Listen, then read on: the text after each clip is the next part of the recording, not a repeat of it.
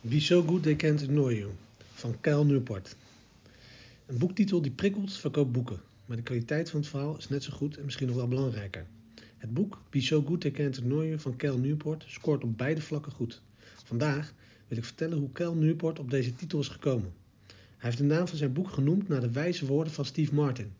In de Charlie Rose Show in 2007 was Rose de acteur en komiek Steve Martin aan het interviewen. Het interview ging over zijn boek Born Standing Up en hoe Steve eigenlijk aan de top is gekomen.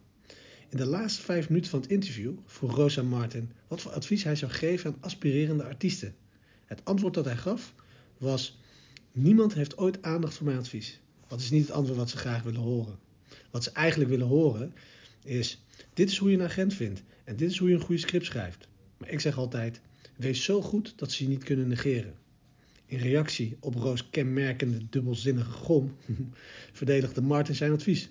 Als iemand denkt, hoe kan ik echt goed zijn, zullen mensen naar je toe komen. Dat is briljant. Dit is de knowledge to go van vandaag. Wees zo goed dat ze je niet kunnen negeren is een mindset. Begin met jezelf de vraag te stellen wat jij kan doen om ergens goed in te worden en de mensen zullen naar je toe komen.